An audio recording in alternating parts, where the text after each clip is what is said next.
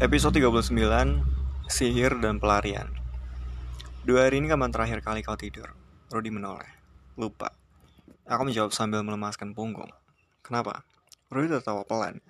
Setengah prihatin, setengahnya lagi sungguhan tertawa. Setidaknya tampilanmu masih lebih baik daripada buronan yang pernah aku tangkap, Tom. Mantel kebesaran, topi longgar, dan kacamata tebal wajah lelah 15 menit lagi kita mendarat. Aku mengangguk Aku justru terbangun oleh suara lembut pramugari dari speaker yang memberitahukan pesawat bersiap mendarat, menyebutkan ritual masang sabuk pengaman, menegakkan sandaran kursi, melipat tatakan meja, dan seterusnya. Terbangan dua jam Jakarta dan Pasar, setengah jam setelah perutku menyentuh makanan yang dihidangkan pramugari, aku punya waktu untuk tidur beristirahat. Rudy sudah melepas borgol di tanganku sejak kami duduk di kursi paling belakang pesawat. Santai dia melemparkan borgol yang dibungkus kotak nasi ke dalam troli sampah. Kami berada di ketinggian 30.000 kaki. Tidak ada yang bisa dilakukan petinggi kepolisian itu sekarang. Tidak mungkin dia menyuruh anak buahnya mengejar hingga ke dalam pesawat. Dan tidak ada juga yang bisa kulakukan sekarang di dalam kabin pesawat termasuk menelpon Maggie dan Julia menanyakan perkembangan situasi atau menghubungi Kadek menanyakan kabar terakhir Opa dan Om Lim yang dia, yang berada di atas kapal. Jadi lebih baik aku tiduran sambil memikirkan jalan keluar masalah baru yang segera akan kami hadapi. Dalam situasi seperti ini, aku lupa kapan persisnya terakhir kali makan, mandi, dan tidur. Aku menatap sejenak gumpalan awan di luar jendela pesawat, mengembuskan napas, baiklah. Tidur sejenak membuatku jauh lebih segar, segah. Sejak mengempaskan pantat di kursi, aku terus memikirkan solusi masalah, tidak ada pilihan. Ini rencana terbaik. Aku melepas sabuk pengaman, berdiri. Kau mau ke mana? Ke toilet. Rudy mendongak. Aku menggeleng. Kita harus bersiap. Rudy melipat dahi. Bersiap untuk apa? Pesawat bahkan belum mengeluarkan roda. Mereka pasti telah menunggu kita, Ruth. Aku berkata pelan. Satu pramugari yang berdiri di tengah memberikan kode agar aku duduk kembali menunjuk lampu safety bell yang menyala. Walaupun di manifest pesawat tidak ada namaku, mereka tidak akan mengambil resiko, Ruth. Aku berani bertaruh satu pasukan khusus sudah mengamankan bandara saat ini. Mantan bosmu itu sedang mengamuk. Dia akan melakukan apa saja untuk menangkapku, juga menangkapmu. Anak buahnya yang berkhianat. Kau seharusnya tahu persis cara kerja pasukan itu. Kau dulu bagian dari mereka, bukan? Rudy menatapku sejenak, menyeringai. Kau benar, jadi mereka sudah menunggu di bandara, Rai. Tapi bukankah itu justru menarik? Aku balas menatap Rudy tidak mengerti. Ya, aku sudah gatal bertinju kembali, kawan. Nah, kau harus satu dua atau dari mereka, aku urus sisanya. Sepakat. Pembagian yang cukup adil, bukan? Aku tertawa kecil. Kau gila, Rud. Ini bukan kotak lift dengan perimeter sempit dan terbatas. Kita tidak akan punya kesempatan di dalam kabin pesawat dengan ratusan penumpang. Belum lagi mereka bisa membabi buta melepas tembakan. Aku punya rencana lebih baik.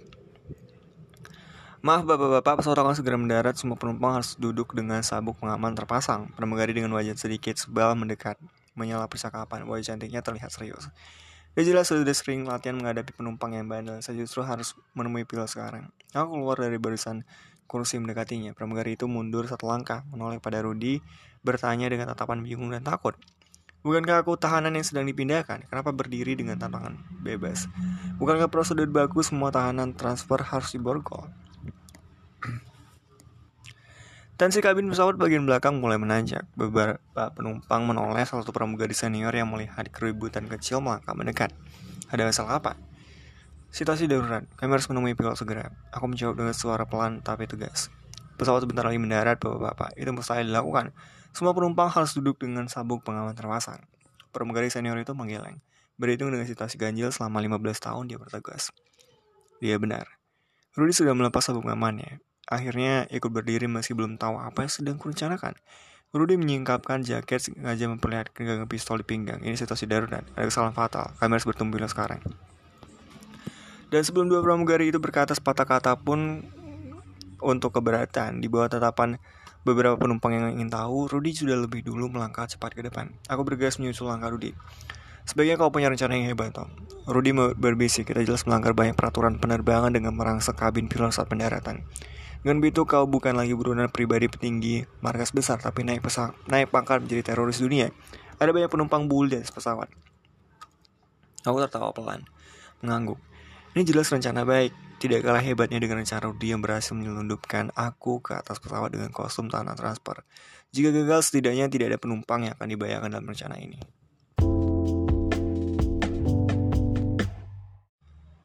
Grimis terus membungkus waduk.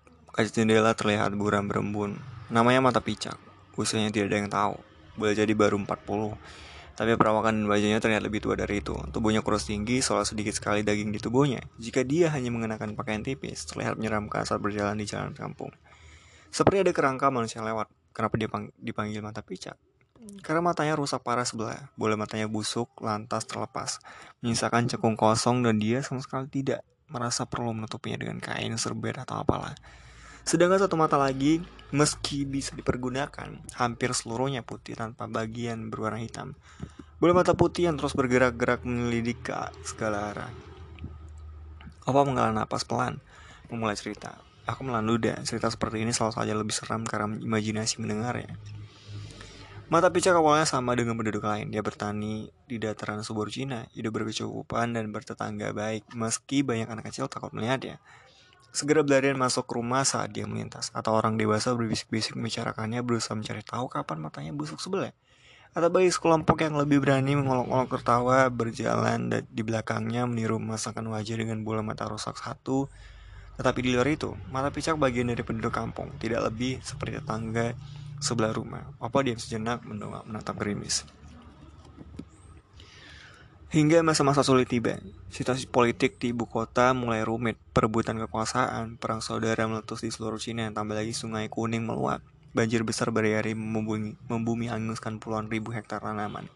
Gagal panen di daratan Cina, semua orang kesulitan bertahan hidup, termasuk di kampung kami, dan sejak itulah di tengah banyak kesulitan, hingar-bingar keributan perang mata picak mendadak berubah haluan.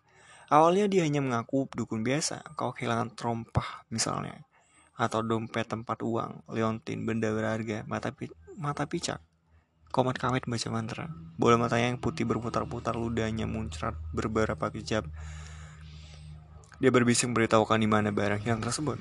Beres barang ditemukan. Atau lain waktu kau datang karena sakit demam, punya penyakit menahun dan tidak sembuh-sembuh atau kesulitan tidur, merasa gelisah, cemas atau banyak hal.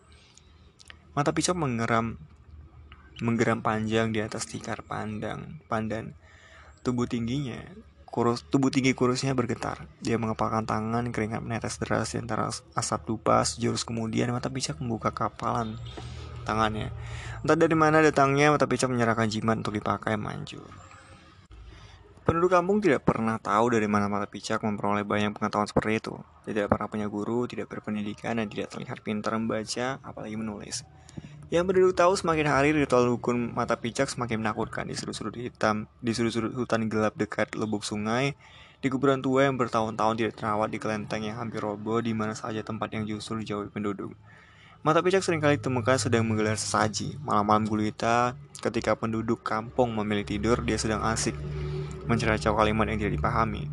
Tubuh kurus tinggi itu menari, berjingkrak-jingkrak, ludah terprecek, ke mana-mana, melolong bersama anjing liar memukul badannya seperti gerakan pohon nyiur di tempat badai. Dan setiap kali pulang dari ritualnya mata pecah bertambah-tambah ilmu hitamnya. Jika dulu penduduk kampung merasa terbantu, sekarang situasi berubah buruk. Misalnya ada yang banci melihat sebuah keluarga iri dengki, melihat kesuksesan orang lain, mereka datang ke mata picak dengan harga mahal, entah itu dengan bayaran setumpuk uang atau korban sesaji. Mata picak dengan mudah memutus buhul tali keluarga, bercerai berai, binasa. Apalagi kalau sekedar menginginkan jabatan dan kekuasaan mudah saja baginya atau ada yang sakit hati ingin membalas kebenciannya. Tinggal datang ke mata picak dengan mantra yang membuat merinding seluruh tubuh. Malam itu juga, yang dibenci sudah terbaring kaku di atas ranjang. Membuat geger seluruh kampung mulai mata picak dikenal sebagai dukun teluh, pembunuh dengan ilmu hitam. Semakin hari semakin mengerikan reputasinya. Dia bisa membunuh siapa saja, pejabat, orang biasa, anak-anak, orang tua, pendatang dengan cara tidak masuk akal sekalipun. Celakanya, kesenangan membunuh itu mengalahkan apa pun. Tidak lagi karena permintaan orang lain pernah berbulan-bulan dia menghilang. Rumahnya sepi dan suram, tidak suara lowongan di malam hari. Membuat suasana kampung terasa lebih tentram sejenak, tapi saat tiba-tiba mata picak kembali dengan tampilan yang lebih gelap, tubuh semakin kurus, rambut tidak terawat, mata putih yang semakin kelam. Malam itu juga, beruntun terjadi kematian empat penduduk tanpa sebab. Saat pagi Buddha terdengar ratapan pilu yang ditinggalkan memeluk suami, istri, atau anak yang mati mendadak. Mata picak justru sedang tertawa gelak di rumahnya. Begitu senang, begitu megah. Membuat senyap puluhan meter sekitar gentar, ngeri. Tak ke mana lagi mata picak menambah ilmu sesatnya. Sekarang dia bahkan tidak membutuhkan alasan untuk membunuh orang. Orang-orang semakin takut padanya, jangankan mendongak melihat wajahnya, mendengar mata picak melintas saja, semua segera menyingkir. Berebut berlari masuk rumah, menutup pintu dan jendela rapat-rapat. Tidak ada yang ingin bernasib sama seperti sekerumunan pemuda yang terlanjur asik duduk di atas kursi bambu panjang beberapa minggu lalu. Mereka tidak menyadari dukun teluh akan lewat. Mereka tertawa-tawa bergurau sesama lain memukul kursi mata picak yang terganggu mendengar suara tawa itu. Benar-benar hanya karena terganggu mendengar suara tawa, menyemburkan ludahnya yang berwarna pekat dan busuk ke tanah. Empat pemuda itu gagu dan lumpuh seketika. Hanya ketika saja penduduk kampung yang bisa berada dekat dengannya, itu pun karena mereka menganggap mata picak guru, mereka bersedia disuruh-suruh membantu keperluan sesaji mata picak, ikut melaksanakan ritual, berpakaian sama kusamnya, berpenampilan sama seramnya menjadi centeng mata picak, bahkan bersedia mengorbankan apa saja jika diminta. Kejam sekali sebenarnya, bahkan tidak masuk akal, karena itu bisa berarti mengorbankan anak dan istri sendiri. Opa diam sejenak, menghela napas. Aku menunggu tidak sabaran. Saat perang saudara semakin berlarut-larut, silih berganti pihak berkuasa mengirimkan pasukan untuk menguasai satu sama lain. Meski penduduk berkali-kali mengadukan kegilaan mata picak, tidak ada penguasa pasukan yang berani menyentuh mata picak.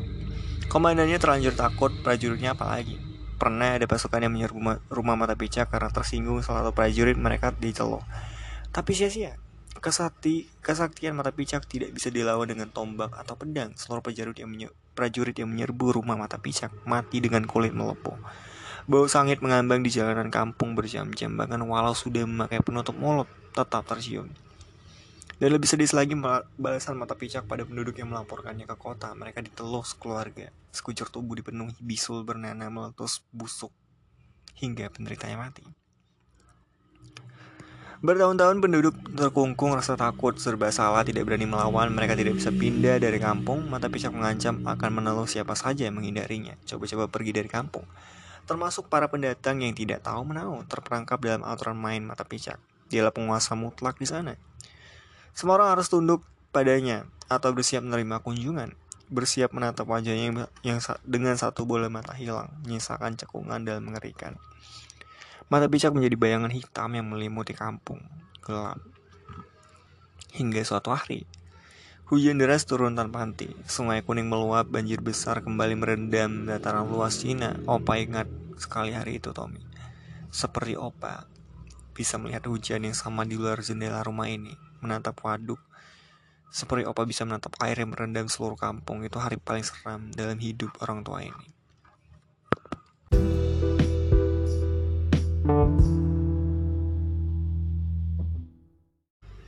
Episode 40 air di dalam mulut Grimis terus membungkus waduk aroma masakan Tante Lim di dapur tercium hingga kamar. Selalu begitu setiap kali tahu aku datang ke rumah peristirahatan. Tante Lim memaksakan diri ikut datang, selalu memaksakan makanan yang enak-enak. Selalu ingin menebus masa-masa hilang itu, aku tidak keberatan sepanjang Om Lim tidak ada. Sore ini, Aku mengabaikan betapa lezatnya aroma masakan Tante Lim. Otakku sempurna tertuju pada cerita Opa, tidak sabar menunggu kalimat berikutnya. Seperti pecinta cerbung sedang menunggu episode baru besok pagi. Kau tahu Tommy? Opa melanjutkan cerita setelah mengelan napas panjang setelah kaca jendela berembun. Bagi pengikut animisme, ya, tentu saja mata picak adalah salah satu pengikut animisme, penyembah kekuatan alam. Dia bahkan pengikut nomor wahid, pertanda alam besar selalu menjadi kesempatan hebat. Hutan gelap, kuburan meranggas, gua-gua berkelelawar, kelenteng rapuh, ini tidak ada apa-apanya dibanding banjir besar sungai kuning. Ribuan ternak hilang, puluhan ribu sawah terendam, rumah-rumah terseret bah, dan ratusan orang hanyut, tewas. Itu tragedi besar, dan itulah kesempatan besar bagi mata picak melakukan pemujaan, memberikan sesembahan, maka saat orang sedang susah oleh perang saudara, Ditambah-tambah banjir, dia justru memutuskan menggelar pengorbanan. Mata picak membutuhkan per orang usia anak-anak untuk dilempar ke air bah sungai kuning.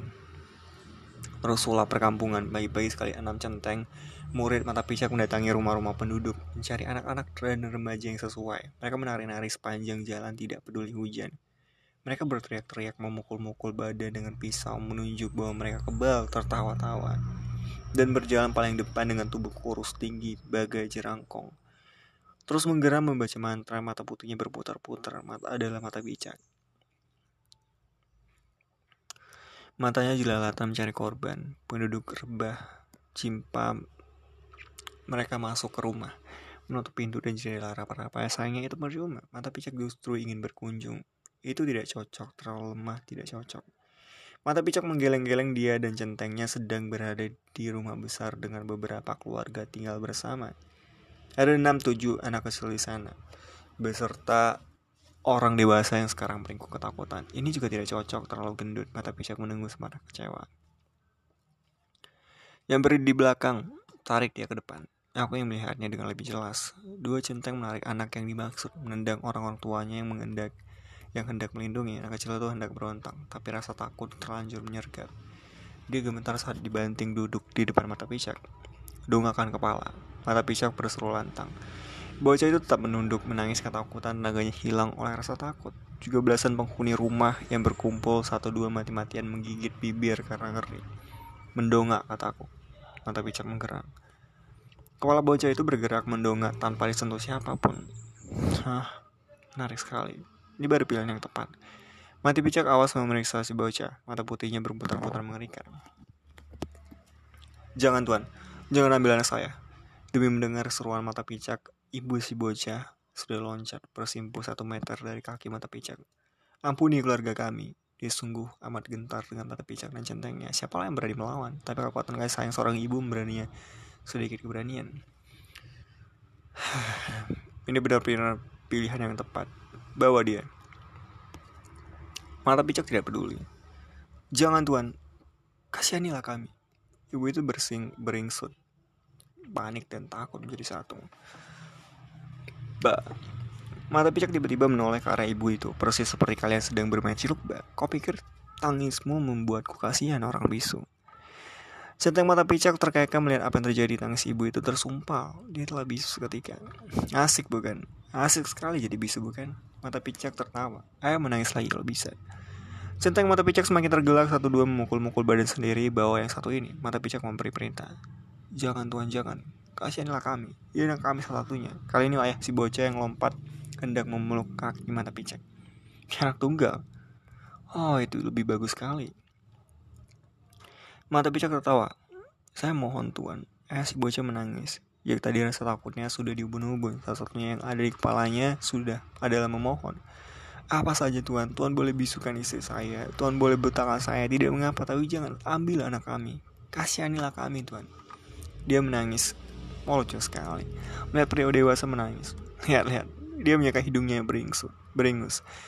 Lucu sekali ini. Mata picak terpingkal tawa merendahkan, enam centengnya lagi-lagi tertawa. Meski hujan terus turun, udara dingin mengungkung perkampungan. Ruangan itu terasa sesak melihat begitu berkuasa yang mata picak. Tidak ada yang bisa melawannya. Tidak ada. Ayah si bocah di tengah putus asanya di tengah ujung kak, akal sehatnya berderap lari masuk kamar, meraih tombak berburu babi miliknya. Matilah kau orang jahat, matilah kau. Dia berusaha menombak mata picak. Curug. Mata picak terkekeh. Bukannya menghindar, kepalanya malah melongo ke arah ayah si bocah seperti anak kecil yang sedang menemukan temannya dalam permainan petak umpet. Tombak itu jatuh berkelontong. Es bocah robot tanpa disentuh badannya kejang-kejang dan seolah sedang beran beranjang beranjang sana ke taman bunga. Melihat warna-warni kembang diinggap kumbang. Mata pecah melambaikan tangannya tidak peduli. Dia sudah santai melangkah menuju pintu keluar. Enam centengnya mengikuti. Sambil menggendong anak yang akan dikorbankan menyisakan tangisan pilu takut dan amarah. Semua bercampur jadi satu dalam keluarga besar itu Kamarku lenggang. Opa diam sejenak, mengusap kepala berubahnya. Semua cerita itu seperti tidak masuk akal, bukan? Seperti legenda tua hantu Cina saja. Opa melalui dan menatapku. Aku menganggukkan melalui dah. Tetapi di dunia ini bahkan ada yang lebih tidak masuk akal dari cerita itu Tommy. Opa menatapku dengan tatapan bijak dan penuh kasih sayang. Lebih jahat, lebih zalim, dan betapa tidak beruntungnya karena tidak seorang pun berani melawannya. Di dunia ini banyak orang melupakan sifat baik di hatinya. Kau misalnya. Papa dan mamamu mati terbakar bersama rumah dan harta benda milik kita.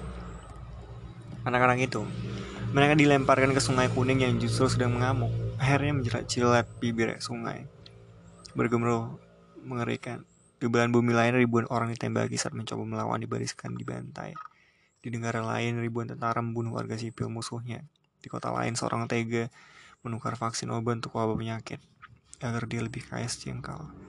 Itu bahkan membunuh puluhan ribu orang secara serentak yang seharusnya sembuh.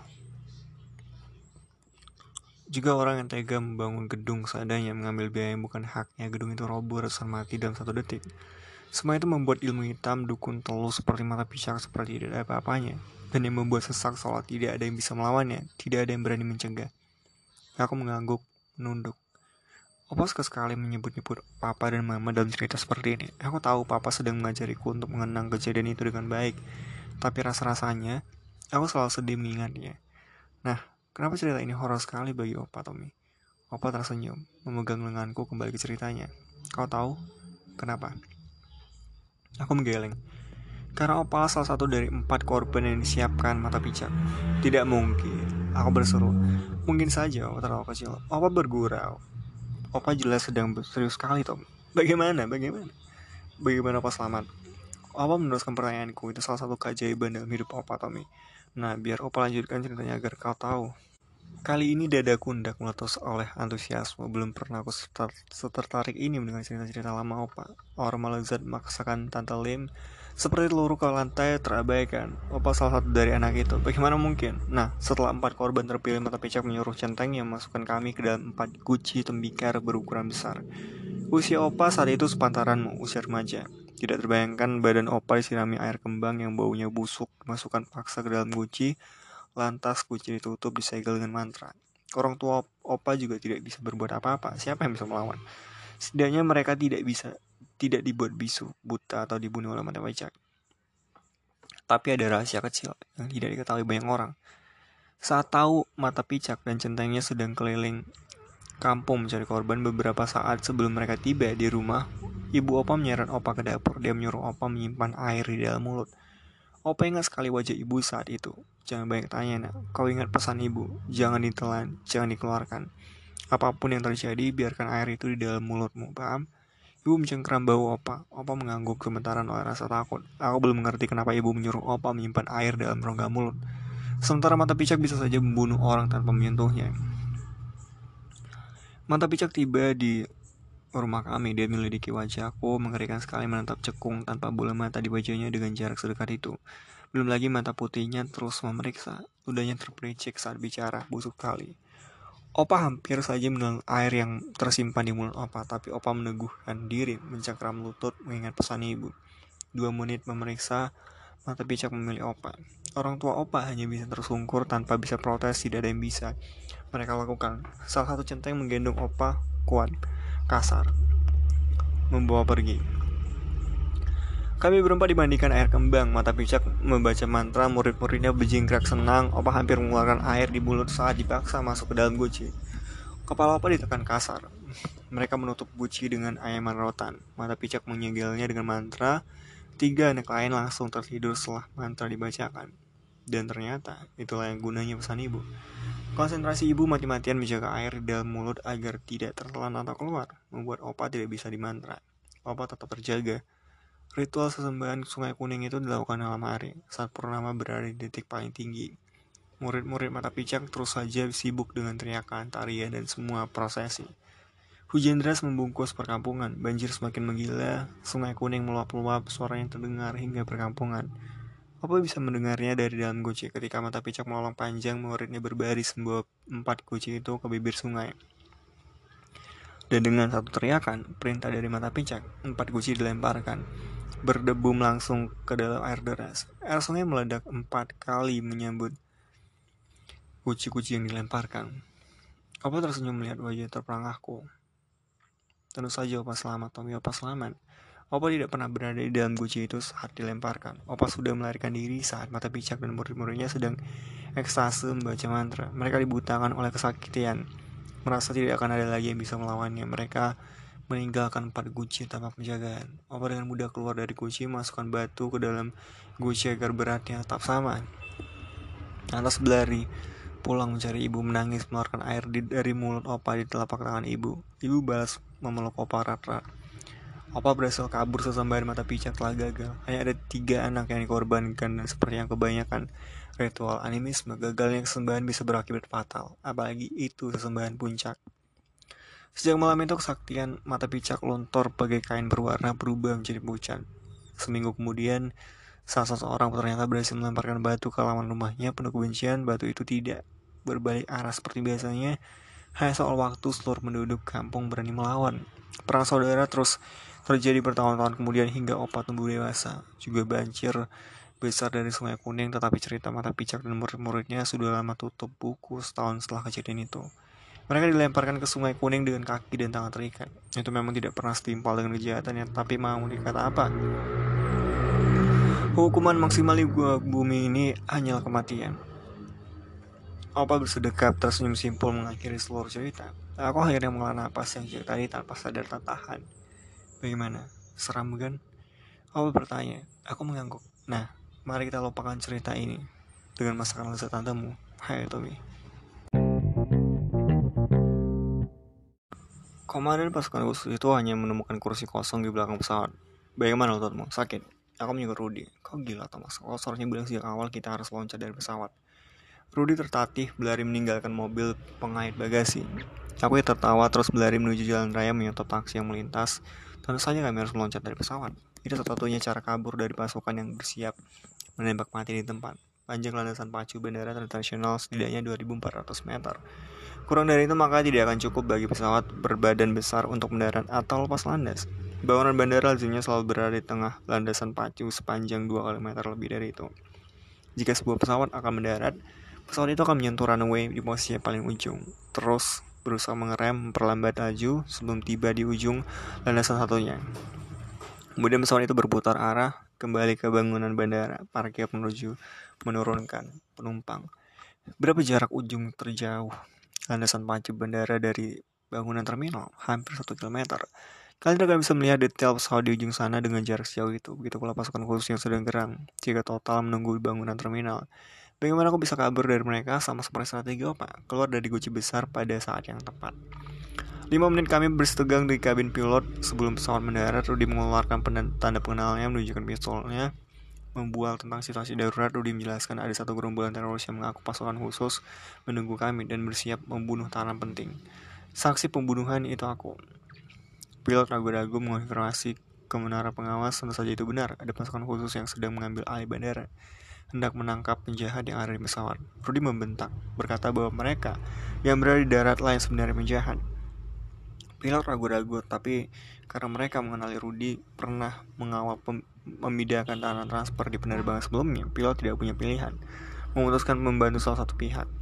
Persis di ujung pelandasan, pesawat bergerak lambat-lambat. Pilot sengaja bergerak lebih pelan dan lebih menepi di runway. Roda pesawat hampir menyentuh lapangan rumput, pramugari cekatan membuka pintu samping 15 detik urusan selesai. Kalian pernah loncat dari bus yang masih bergerak tidak sabar menurunkan penumpang? Atau kereta api? Nah, loncat dari pesawat yang bergerak tidak ada bedanya. Hanya lebih tinggi. Itu saja. Aku dan Rudy adalah anggota klub petarung cukup terlatih untuk urusan loncat dari ketinggian 2 meter. Kami langsung berguling di rumput Pramugari segera menutup pintu. Pilot terus melajukan pesawat menuju terminal. Enam pasukan khusus itu persis seperti centeng mata picak. Tidak pernah menyadari bahwa pesawat berjalan terlalu lambat saat memutar di ujung landasan dan perintah komandannya untuk menahan pesawat lepas landas selama penyergapan justru membuat banyak pesawat parkir di sisi runway menghalangi pemandangan melindungi aksi kami dari kejauhan tidak terlihat.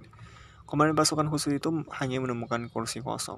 Setelah berguling menghantam rumput di luar runway, aku dan Rudy berlari dengan kaki masih terasa sakit, pincang mengambil mobil pengait bagasi yang terparkir tanpa petugas, menabrakannya ke pagar bandara. Lantas menyelinap keluar dari pagar kawat yang bengkok. Aku yakin saat komandan pasukan itu hanya menemukan kursi kosong, dia pasti berteriak marah, seperti mata picak yang berteriak marah melihat sesembahannya gagal. Dan saat itu pula, aku dan Rudy sudah loncat ke dalam taksi melesat menuju tempat pertemuanku dengan putra mahkota, menemui seseorang yang menjadi kunci paling penting penyelamatan bank semesta. Satu telepon darinya bisa mengubah seluruh keputusan rapat komite nanti malam. Dalam urusan ini, dia dan partai politiknya bahkan lebih sakti dibandingkan mata picak beserta centeng-centengnya.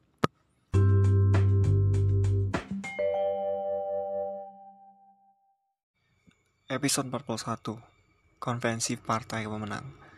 Lembayung. Sejauh mata memandang terbentang warna lembayung.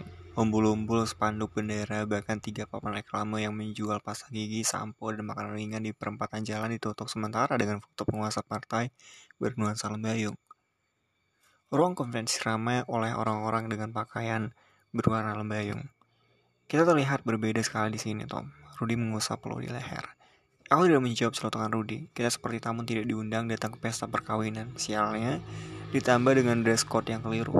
Rudy masih asik memperhatikan kesibukan. Sebentar, aku punya ide yang lebih baik. Kali ini aku menjawab. Aku menoleh ke kiri kanan sejak taksi masuk ke lobi depan hotel arena konvensi. Kami berjalan melintasi lorong depan hotel dan sesaki peserta konvensi. Mataku mencari sesuatu. Nah, itu dia. Aku melangkah cepat.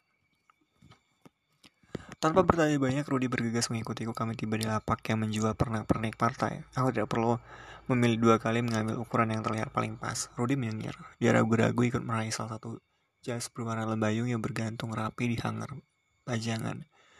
Alah, aku yang terakhir. Aku tertawa melihat tampang masam Rudy yang baru saja mengerti ideku.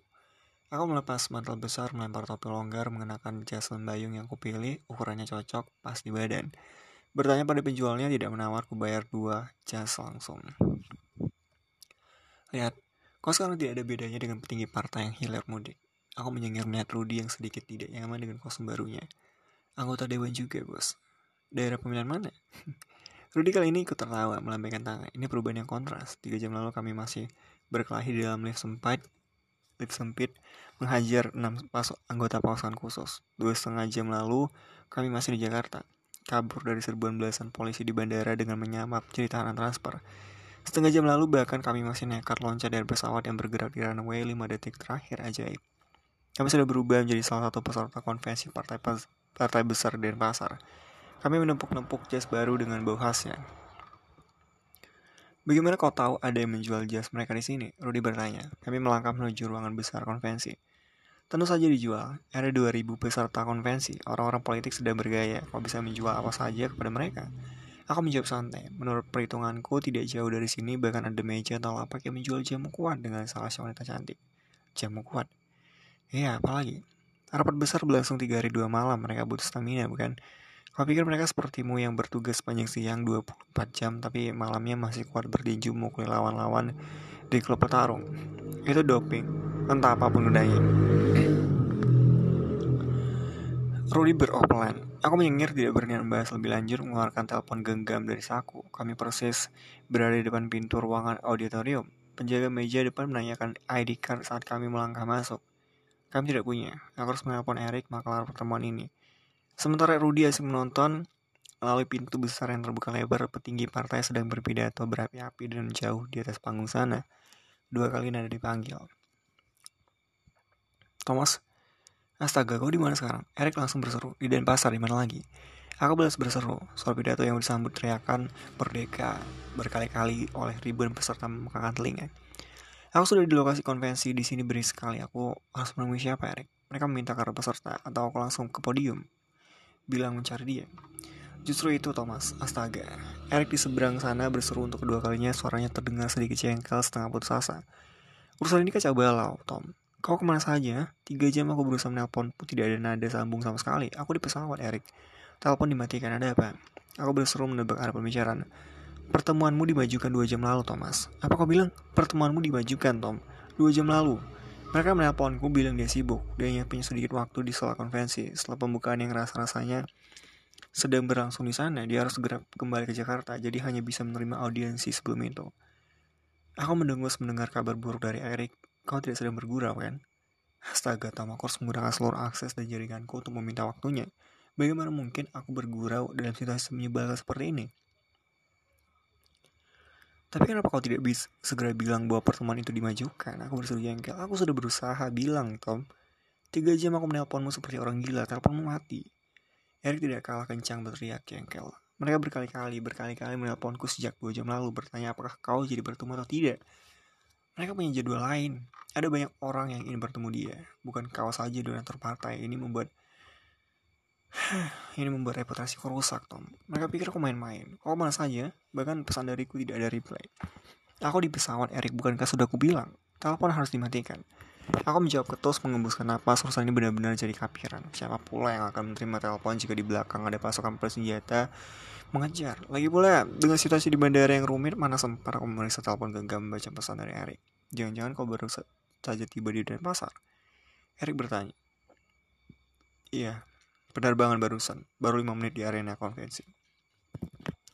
Astaga Thomas, kenapa kau tidak berangkat dari tadi pagi atau segera setelah aku mendapatkan jadwalnya bukan kakak? Kau sendiri yang bilang pertemuan itu super penting. Kau gila. Baru tiba di lokasi konvensi 5 menit sebelum jadwal. Mereka sibuk orang-orang politik, amat fleksibel dengan waktu. Terserah mereka membatalkan atau melajukan jadwal pertemuan. Kau seharusnya tahu itu Thomas. Eric sepertinya mengukulkan sesuatu di kamar apartemennya, tidak percaya bahwa aku datang begitu tergesa-gesa ke Denpasar. Aku menyumpah Eric dalam hati, dengan semua dengan semua rusuh, bagaimana Bagaimana aku bisa datang lebih cepat? Dia tidak mengalami sendiri, dia berondong belasan senapan semi otomatis dari Dermagayan. Pidato tinggi partai di podium semakin hebat, dia sedang semangat membahas fisik bangsaan. Cita-cita partai segaris lurus dengan cita-cita pendiri negara. Peserta konvensi tampaknya semakin sering meneriakkan kata merdeka di setiap, di setiap akhir kalimat petinggi partai. Mungkin mereka lebih sering berteriak merdeka dibanding pahlawan nasional yang dulu berperang langsung siang malam melawan penjajah Belanda. Sekarang bagaimana? Aku berusaha terkendali menatap kursi paling depan beberapa kota pasti ada di sana, duduk bersama petinggi partai dan pejabat pemerintah berkuasa. Aku sudah terlanjur di tempat konvensi Erik. Kau harus membujuk mereka menjadwal ulang, meminta waktu atau bagaimana lah. Aku hanya butuh 15 menit. Apa susahnya minta waktu 15 menit? Aku tidak tahu. Kau harus membantu Eric. Aku memotong. Aku sudah membantu Tom. Tidak sepanjang pertemuan itu belum terjadi. Kau sama sekali belum membantuku Eric. Suaraku mengancam. Eric terdengar mengeluarkan sumpah serapah. Dia tahu maksud intonasi kalimatku. Baik Tom, baiklah. Kau memang berdebah. Kalau saja kau tidak memiliki data-data kasus selama milikku, sudah dari tadi aku sendiri yang justru melaporkan lokasimu sekarang pada polisi. Beri aku waktu 15 menit. Aku akan menghubungi mereka. Kita lihat apa yang bisa aku lakukan. Aku menyeringai, menutup telepon. Sial, urusan ini kenapa jadi begini? Kau pernah melihat konvensi partai seperti ini? Rudy mengikutku. Mengabaikan ekspresi wajahku yang terlipat, bukan main. Dengar, mereka sedang berikrar menjadi partai paling bersih. Bagaimana saudara? Apakah saudara mau bersama dengan saya? Katakan tidak. Pada koruptor. Yang pidato di atas podium sedang bakar masanya, bertanya lantang. Tidak. 2000 peserta konvensi berteriak dengan mengapalkan tinju ke udara. Bagaimana saudara? Apakah saudara mau sama-sama dengan saya? Sekali lagi katakan tidak pada koruptor serta menyuap, menyogok dalam perbuatan ini lainnya. Tidak. Sekali lagi 2000 peserta konvensi mengepalkan ke udara. Aku mengeluarkan puh, mengabaikan tingkar-bingkar konvensi termasuk mengabaikan Rudy yang geleng-geleng menatap ke dalam auditorium. Kepalaku sedang berpikir, sia-sia semua urusan jika aku gagal bertemu putra mahkota. Menekan phonebook, aku harus segera menelpon kadek. Tiga jam aku tidak tahu kabar mereka. Jangan-jangan sudah terjadi hal buruk seperti jual pertemuan kue berantakan. Teleponku lebih dulu bergetar sebelum aku menekan nama kadek. Julia menelponku. Kau di mana, Thomas? Julia langsung bertanya dengan dari Mas. Aku mengeluh dalam hati sebenarnya semua orang selalu bertanya hal itu pada aku sekarang. Oh, jawab nenek di Denpasar. Oh, kau sudah bertemu dengannya? Belum.